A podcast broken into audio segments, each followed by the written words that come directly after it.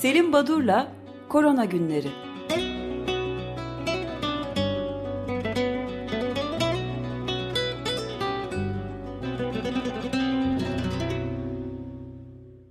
Günaydın Selim Badur, merhabalar. Günaydın, günaydın efendim. Günaydın. Özdeş, e, Feryal, bütün Açık Radyo dinleyicilerine günaydın ve iyi haftalar dileyerek başlayayım. Ee, iyi haberleri. Bu sabah itibariyle e, e, bütün dünyada, e, tüm ülkelerdeki olgu sayılarına baktığımız zaman 306 milyonu geçmiş durumda, 307 milyona dayanmış durumda. Yaşamını yitirenler de 5,5 milyon kadar.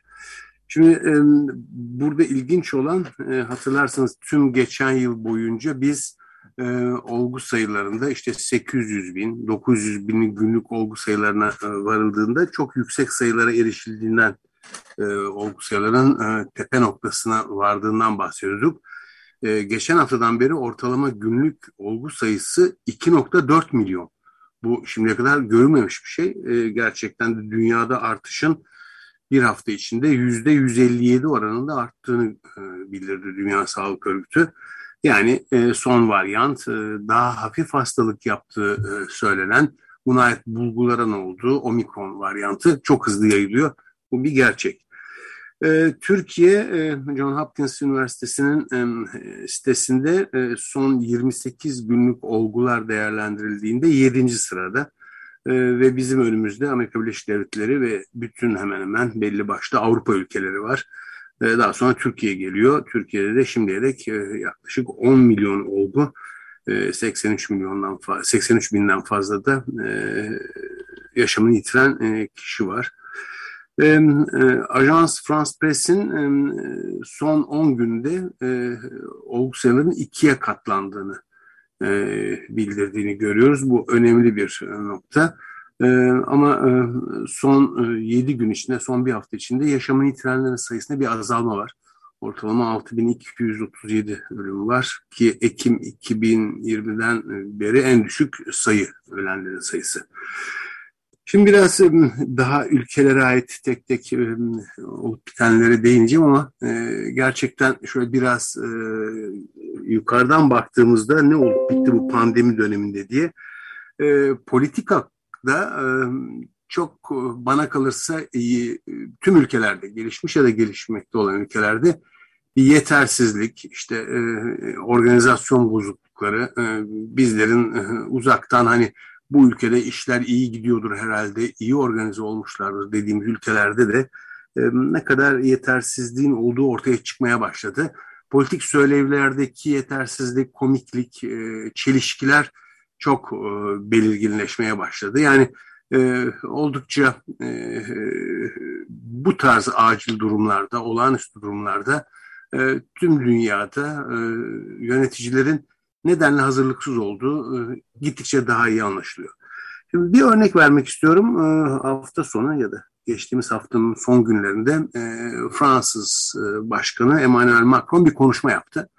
Çok sert bir konuşma diye nitelendirildi. Çünkü aşı karşıtlarına ve aşı olmayanlara ben hani en hafif, en yumuşak tanımlamayla konuşmasının da kullandığı ifadeyi çevirdiğimde hayatı bu insanlara dar edeceğim ben dedi.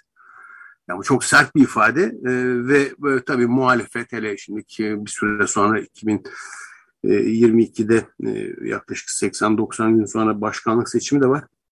Muhalefet, e, çeşitli partiler özellikle sağda aşırı sağ e, Macron'a çok e, eleştiriler yönelttiler. İşte elitist diyenler var, popülist diyenler var ve protestolarda e, hafta sonu e, üçe katlandı e, protestolara katılanlar. Yaklaşık 25-30 bin kişilik aşı karşıtı grupların protestoları oluyordu her hafta sonu Fransa'da.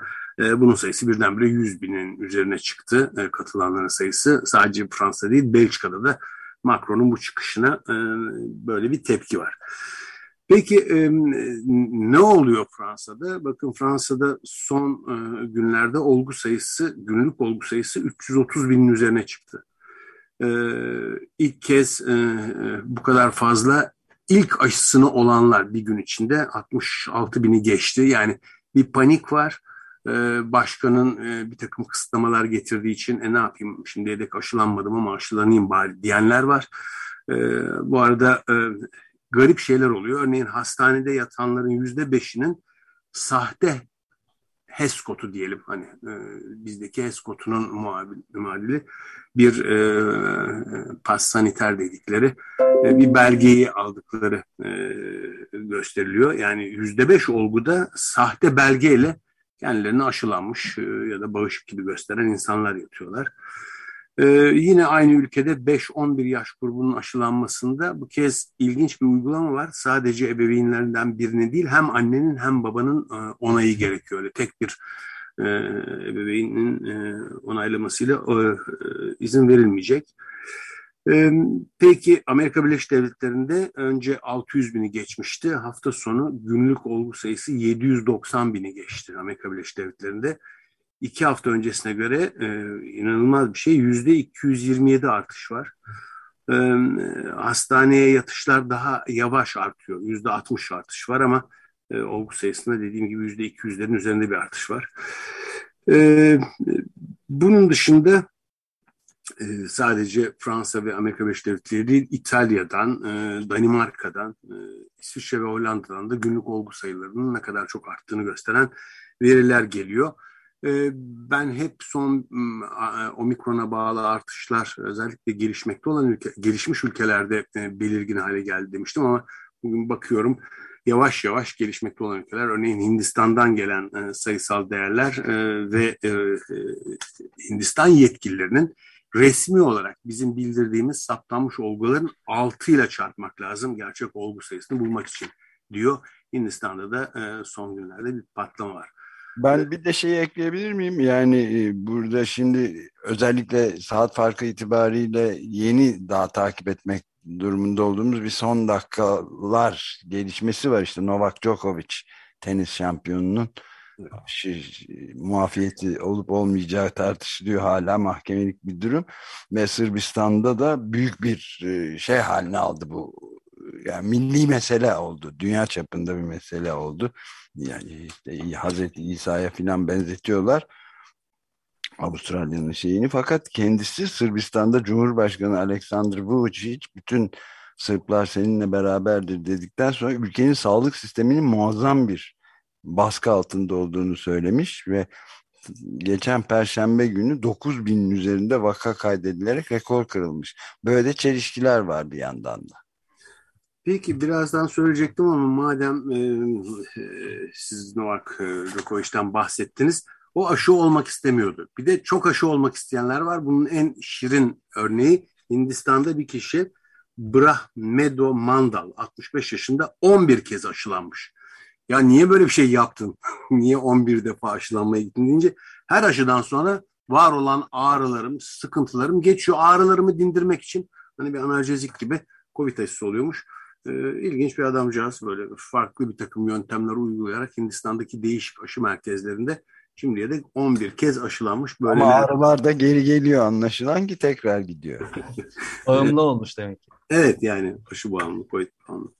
Şimdi, bir de para karşılığı bunu yapanlara. Evet tabii onlar vardı da böyle kendisi gönüllü olarak istekli e, ilk kez görüyorum ya da böyle bir örnek var. Şimdi bir takım değişiklikler oluyor, bir takım kavramlar değişiyor. Biz buna ait ilk örneği maskeler konusunda dile getirmiştik. Pandeminin başında herkesin maske takmasına gerek yok derken daha sonra belirtisiz ama enfekte olan kişilerin de virüsü esas yayan kaynak olduğu, kaynaklar olduğu saptanınca herkesin maske takması gündeme gelmişti. Hatta bazı muhalif kesimler ya da genel anlamda olup biteni sürekli eleştirenler e, bu ne biçim çelişki, e, bu nedenli bir e, böyle farklı e, her gün değişen kararlar ya da e, görüşler bildiriliyor demişti demişlerdi. O öyle değil tabii. E, dünyada bir takım şeyler bilimsel olarak e, kanıtlandıkça yeni veriler ışığında bazı e, ilk gün söylenen, dillendirilen e, doğrular değişebiliyor. Bunlardan bir tanesi testler. Şimdi e, başlangıçta e, bizler de hep söyledik. Dünya Sağlık Örgütü Başkanı da test, test, test diyordu. İyi de bu işin sonu gelmeyecek gibi. Çünkü bakın e, farklı e, test yapan aman test sayılarımızı arttıralım denen ülkelerde tıkanmalar meydana gelmeye başladı. Bunun en e, çarpıcı örneği Fransa. Fransa'da çok fazla test yapmaya başladılar son haftalarda. E, ama e, bu testlerin e, hani sağlık e, sistemine ya da laboratuvarları tıkamaya başladığı görülme, e, görülmekte. Bir de nereye kadar? Siz kimi tarayacaksınız? Bunu biz zamanında e, HIV, AIDS için de e, gündeme getirilmişti biliyoruz. Diyelim ki Türkiye'de 80 milyonu taradınız. Böyle imkanınız oldu. Ne kadar sonra bu 80 milyonu bir daha taramanız lazım? 3 gün sonra, bir hafta sonra. Bunun sonu gelmez. Yani bu test ve taramaların e, bir e, standartizasyon olması lazım. Kimlerin taranacağının e, dönem dönem e, yeniden gözden geçirilip tanımlanması lazım. Başlangıçta ağır olguları saptamak için ya da işte delta varyantına kadar bütün e, e COVID'le enfekte olanları saptamak için yaygın test gerekiyordu. Ama omikron gibi daha hafif hastalık oluşturan olguları saptasanız bunun ne tür bir yararı olacak? Yani saptadığınız omikron olgularının eğer yüzde doksanı hafif bir nezle soğuk algınlığı gibi ateş bile yükselmeden enfeksiyonu geçiriyorlar ve evde dinlenerek bu hastalığı atlatıyorlarsa bunları saptamak yararlı mı? Bunun sonu nereye kadar gidecek? Çünkü çok hızlı yayılıyor. Her birini ben saptayım da aman e, bulaşmaların önüne geçeyim derseniz bu e, pek mümkün görünmüyor. Onun için e, bu e, e, salgının sıradanlaşması e, endemik olduğunun kabul edilmesine doğru bir eğilim gelişti. Bir diğer önemli nokta taramayla ilgili antijen testleri. Şimdi bu antijen testleriyle ilgili şöyle bir sorun var. Bu antijen testlerini insanlar satın alıp evde kendileri uygulayabiliyorlar. Peki sonra ne oluyor? Hasta olduğu, pozitif olduğunu saptayan, kendisinde virüsün bulunduğunu saptayan kişi bunu eğer sağlık yetkililerine, sisteme bildirmiyor ise, gizliyorsa, e, izolasyon ya da farklı önlemlere uygulamıyorsa bunu nasıl takip edeceksiniz? Ciddi bir kaos ortaya çıkabilir. Özellikle bu antijen testinin satın alınıp insanların kendileri evlerinde yapmaya başlar ise bu e, testi uygularlarsa. İnsanların böyle Ama bunun avantajları da var mı? E, avantajları da var, dezavantajları da var. Ben dezavantajlarını saydım. Avantajlarının yani hızlı olmasının dışında bir avantajı yok. Yani çünkü, çünkü ben yakın zamanlarda mesela hastaneye gittim. Şu anda hastanede inanılmaz bir PCR kuyruğu var. Evet. Ee, yani saatlerce gerçekten bekliyorsunuz. Hani biraz e, kendi sorumluluğunu e, almayı düşünen herkesin böyle hızlıca bir teste girip kendini karantinaya almasını mümkün kılıyor ve hastanelerdeki bu, yükü, bu, yükü bu mümkün kılıyor ama bu mümkün değil. Ee, yani biz bunu HIV-AIDS'te de gördük. Ee, HIV-AIDS'te de e, kendileri evlerinde test yapan insanların yarısı e, bahsettiğiniz ve olması gereken önlemleri almıyorlardı. Bu e, konu ayrı bir konu ama daha da ilginci antijen testinin duyarlılığı ortaya çıkmaya başladı. Buna ait yayınlar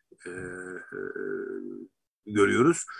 PCR'dan ortalama 3 ile 5 gün sonra pozitif oluyor e, bir kısmı antijen testi negatif e, olan kişiler e, virüsü etrafa bulaştırabiliyorlar. Bu e, net olarak ortaya konunca o zaman her antijen testi negatif olanın doğrulamak için bir de PCR mı yaptırması gerekiyor? Yani bu bir kısır döngüye ve işini daha karmaşıklaştırıyor.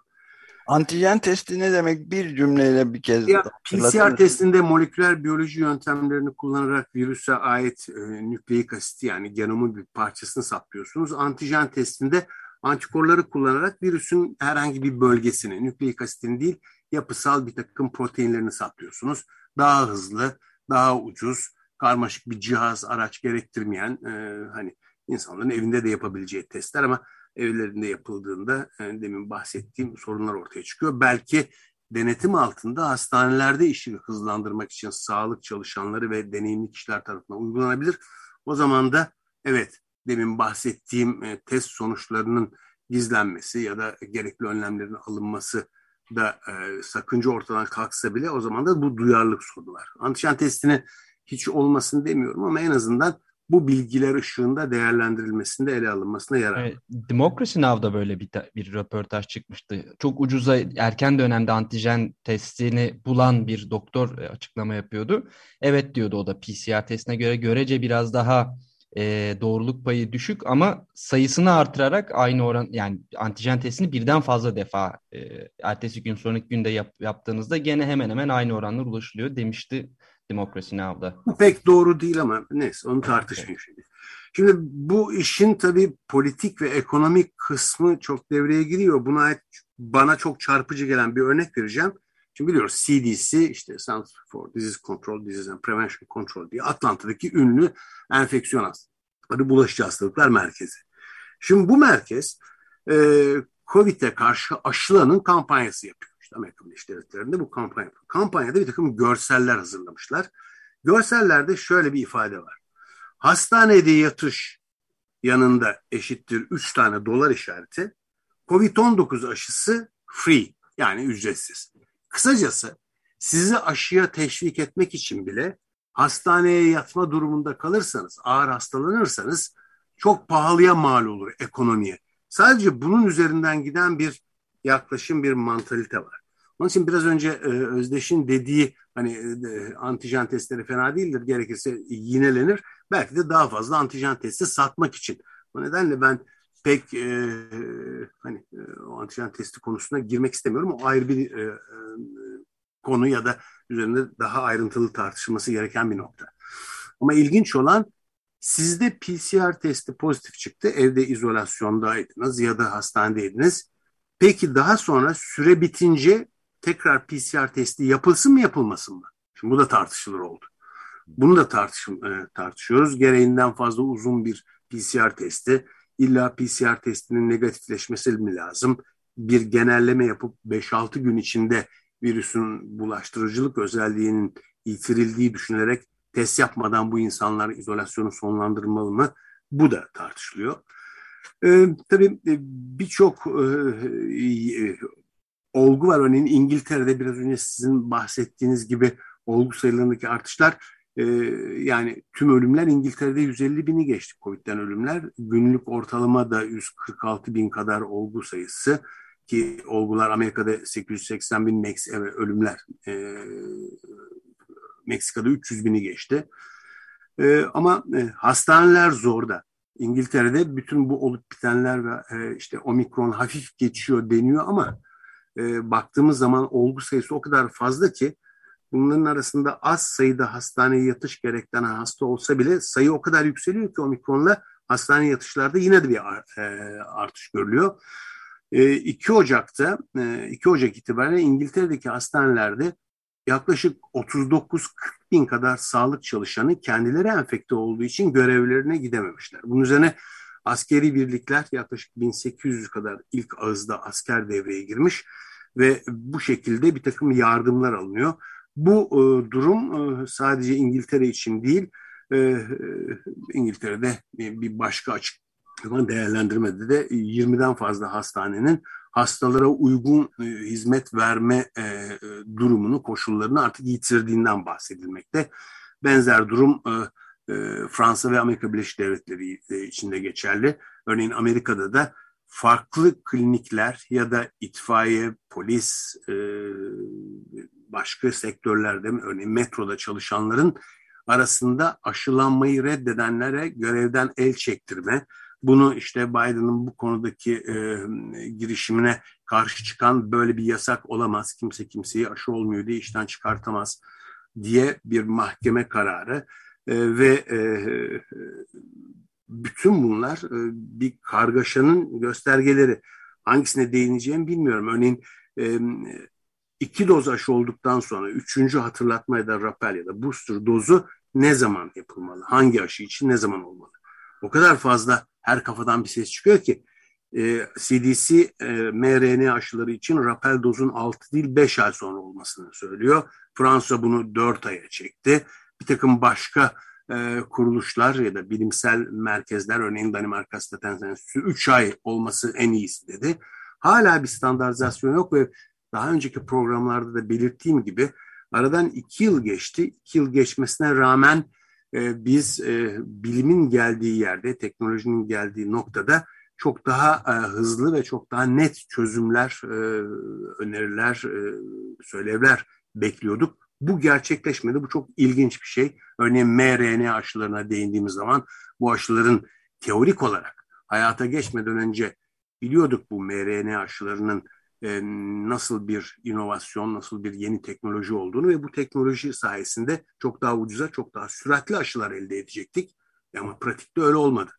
Tabii e, sizin de, de ısrarla altını çizdiğiniz e, bir nokta e, bu yeni aşılar Novavax'tan bahsediyorduk. Ama yeni olan aşı en çarpıcı olan Corbevax bu Peter Otez ve Maria Elena e, Bottazi'nin e, geliştirdikleri e, bu aşı game changer olarak tanımlanmakta. Yani oyunu değiştirecek, gidişatı değiştirecek bir aşı gibi. Aşının temeli ve kombinan e, DNA teknolojisi aynı hepatit B aşısının hazırlama yöntemi gibi ve kombinasyon sonucunda bir yani moleküler biyoloji yöntemlerini kullanarak 1980'li yıllardan beri bilinen bir teknoloji. Bu ekip daha önce e, şistozomiyazis gibi bir parazit hastalığı, Afrika'da görülen parazit hastalığına karşı bir aşı geliştirmeye çalışıyordu. Daha sonra 2003'te SARS çıktığı zaman e, bu yöntemi SARS için de kullanmaya çalışmışlardı.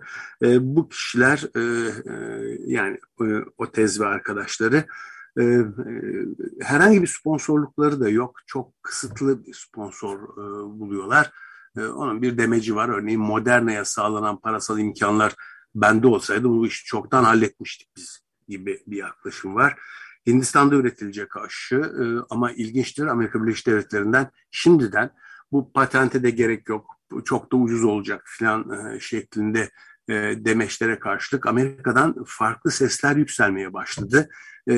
Hani deyim yerindeyse bon pour dedikleri e, gelişmekte olan e, ülkeler için e, fenazlı sayılmaz bu aşı deyip biraz böyle hani dışlama eğiliminde olan merkezler ya da söylevlerde ortaya çıkıyor duyuyoruz. Bu da evet inanılmaz bir çelişme de var. Yani sadece 24 saatte 840 bin gibi rekor sayıda vakanın görüldüğü Amerika Birleşik Devletleri başı çekiyor. Yani dünyanın en gelişkin, zengin ülkesi Covid-19'da da bütün istatistiklerde de başı çekiyor. Hem vefat hem vaka sayısı açısından da ve artıyor da işin 800 evet. 840 bin yeni vaka ne demek bir gün içinde? Ee, ama e, örneğin bu aşı eğer e, üretilip de kullanıma girerse çünkü şimdiden işte üçüncü baz çalışmalarında şu kadar test yapıldı, şu kadar e, kişi alındı, yok yayınlandı, yayınlanmadı gibi baştan bir takım eleştiriler gelmeye başladı. E, hani bu aşı e, hayata geçip de kullanıma girse bile e, bana kalırsa gelişmiş ülkeler ve Amerika Birleşik Devletleri hiçbir zaman e, Corbevax'ı e, gündeme sokmayacaklardır, gündeme getirmeyeceklerdir kendi toplumları için diye e, düşünüyorum. Evet. E, ama en azından gelişmekte olan ülkelerin e, hani aşıya erişimi olmayan ülkelerin bakın Dünya Sağlık Örgütü'nün açıklaması var. E, şu kadar milyon doz aşı kullanıldı. Bugüne dek tek doz halinde aşı kullananların e, kullanılan aşı miktarı 9,5 milyar doz. Bunun e, gelişmekte olan ülkelerde sadece %8.9'u doz olarak söylüyorum yani e, gelişmekte olan ülke nüfusunun yüzde dokuzu neredeyse tek doz aşı almış. Yani bunun korunması da gayet kısıtlı. Bitirirken bir haberde İran'dan, İran'daki hapishanedeki şair ve sinemacı Baktaş Abdin Covid'den yaşamını yitiriyor 47 yaşında. E, Eylül 2001'de PEN e, ödülünü almıştı. Sınırsız Gazeteciler kuruluşunun bir duyurusu bir İranlı sanatçının yaşamını yitirmesi. Ee, evet durum böyle dünyada. Elbette yeni çalışmalar yapılmakta. Ee, işte e, maskelere yapışan tutulan virüs miktarını hesaplamış Lorenzo Leal ve arkadaşları. Ee, Paul Caudi ve arkadaşları da aşılamanın post-Covid sendromlarına da e, olumlu etki yaptığını yani Covid sonrası ortaya çıkan e, çok ciddi olumsuzluklar var. Bu önemli bir nokta diğer solunum yolu virüsleriyle oluşan enfeksiyonlardan sonra bu denli kalıcı ve e, uzun soluklu şikayetler görülmüyordu. Aşılamanın bunlara da e, etki ettiği, bunları da azalttığı bildiriliyor. E, bütün bunlar e, uzun süre herhalde tartışılacak konular. son bir şey de Mısır'dan. Mısır'da ilginç bir çalışma var. Sefrazidin ve sefepim. Bunların ikisi de beta laktam grubu antibiyotik. Biliyoruz antibiyotikler hani bakterilere etkili, virüslere etkisiz. Ama COVID hastalarına ne amaçla olduğunu, neyi planlayarak verdiklerini bilmiyorum ama COVID'e iyi geldiğini iddia ediyorlar. Bunun da e, bu enzimlerin, e, bu antibiyotiklerin virüsün çoğalması için e, gerekli olan proteaz enzimini yıkıma uğratmasıyla açıklıyorlar. Yani bir antibiyotiği virüslere karşı kullanıyorlar. Böyle bir çalışma var. Bazı araştırıcılar da olmaz böyle şey diyorlar. Hani antibiyotik virüse niye etki etsin? Büyük bir olasılıkla o virüs enfeksiyonunun üzerine bir de bakteri enfeksiyonu eklenmiştir. O bakteriye iyi geliyordur bu antibiyotik tedavisi diyorlar. Böyle çelişkili e, haberler var. Tabii e, hastalığa yakalanan ünlüler e, İsveç Kralı Karl 16. Gustav ve Kraliçe Silvia 75 ve 78 yaşında bunlar enfekte. Aynı zamanda Mozambik Devlet Başkanı Filipe Nyusi 62 yaşında ve eşi de pozitif olmuşlar. Ben burada durayım. Size de iyi haftalar dileyim. Çok teşekkür ederiz. Teşekkür ederim efendim. İyi yayınlar. Gör, görüşmek üzere. Üzere sağ olun.